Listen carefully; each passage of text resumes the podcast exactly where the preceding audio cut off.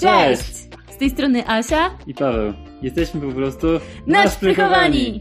W tym podcaście będziemy opowiadać o subiektywnych spostrzeżeniach z naszych podróży.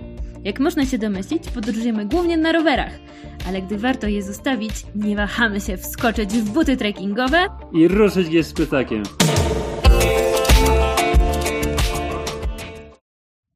Dzień dobry wszystkim słuchaczom.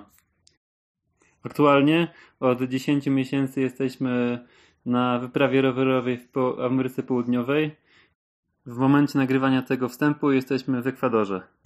Piszemy również bloga, w którym opisujemy nasze przygody i stwierdziliśmy, że brakuje nam jednak formy wypowiedzi i opowieści o tym, co widzimy.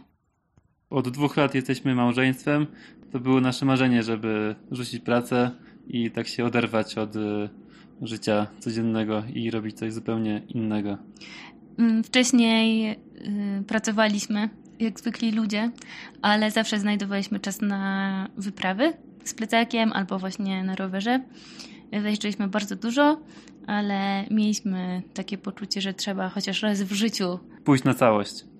W podcaście planujemy opowiadać o mijanych krajach, ich zwyczajach i i tego, co sami możemy doświadczać mm, podczas spotkań z innymi ludźmi.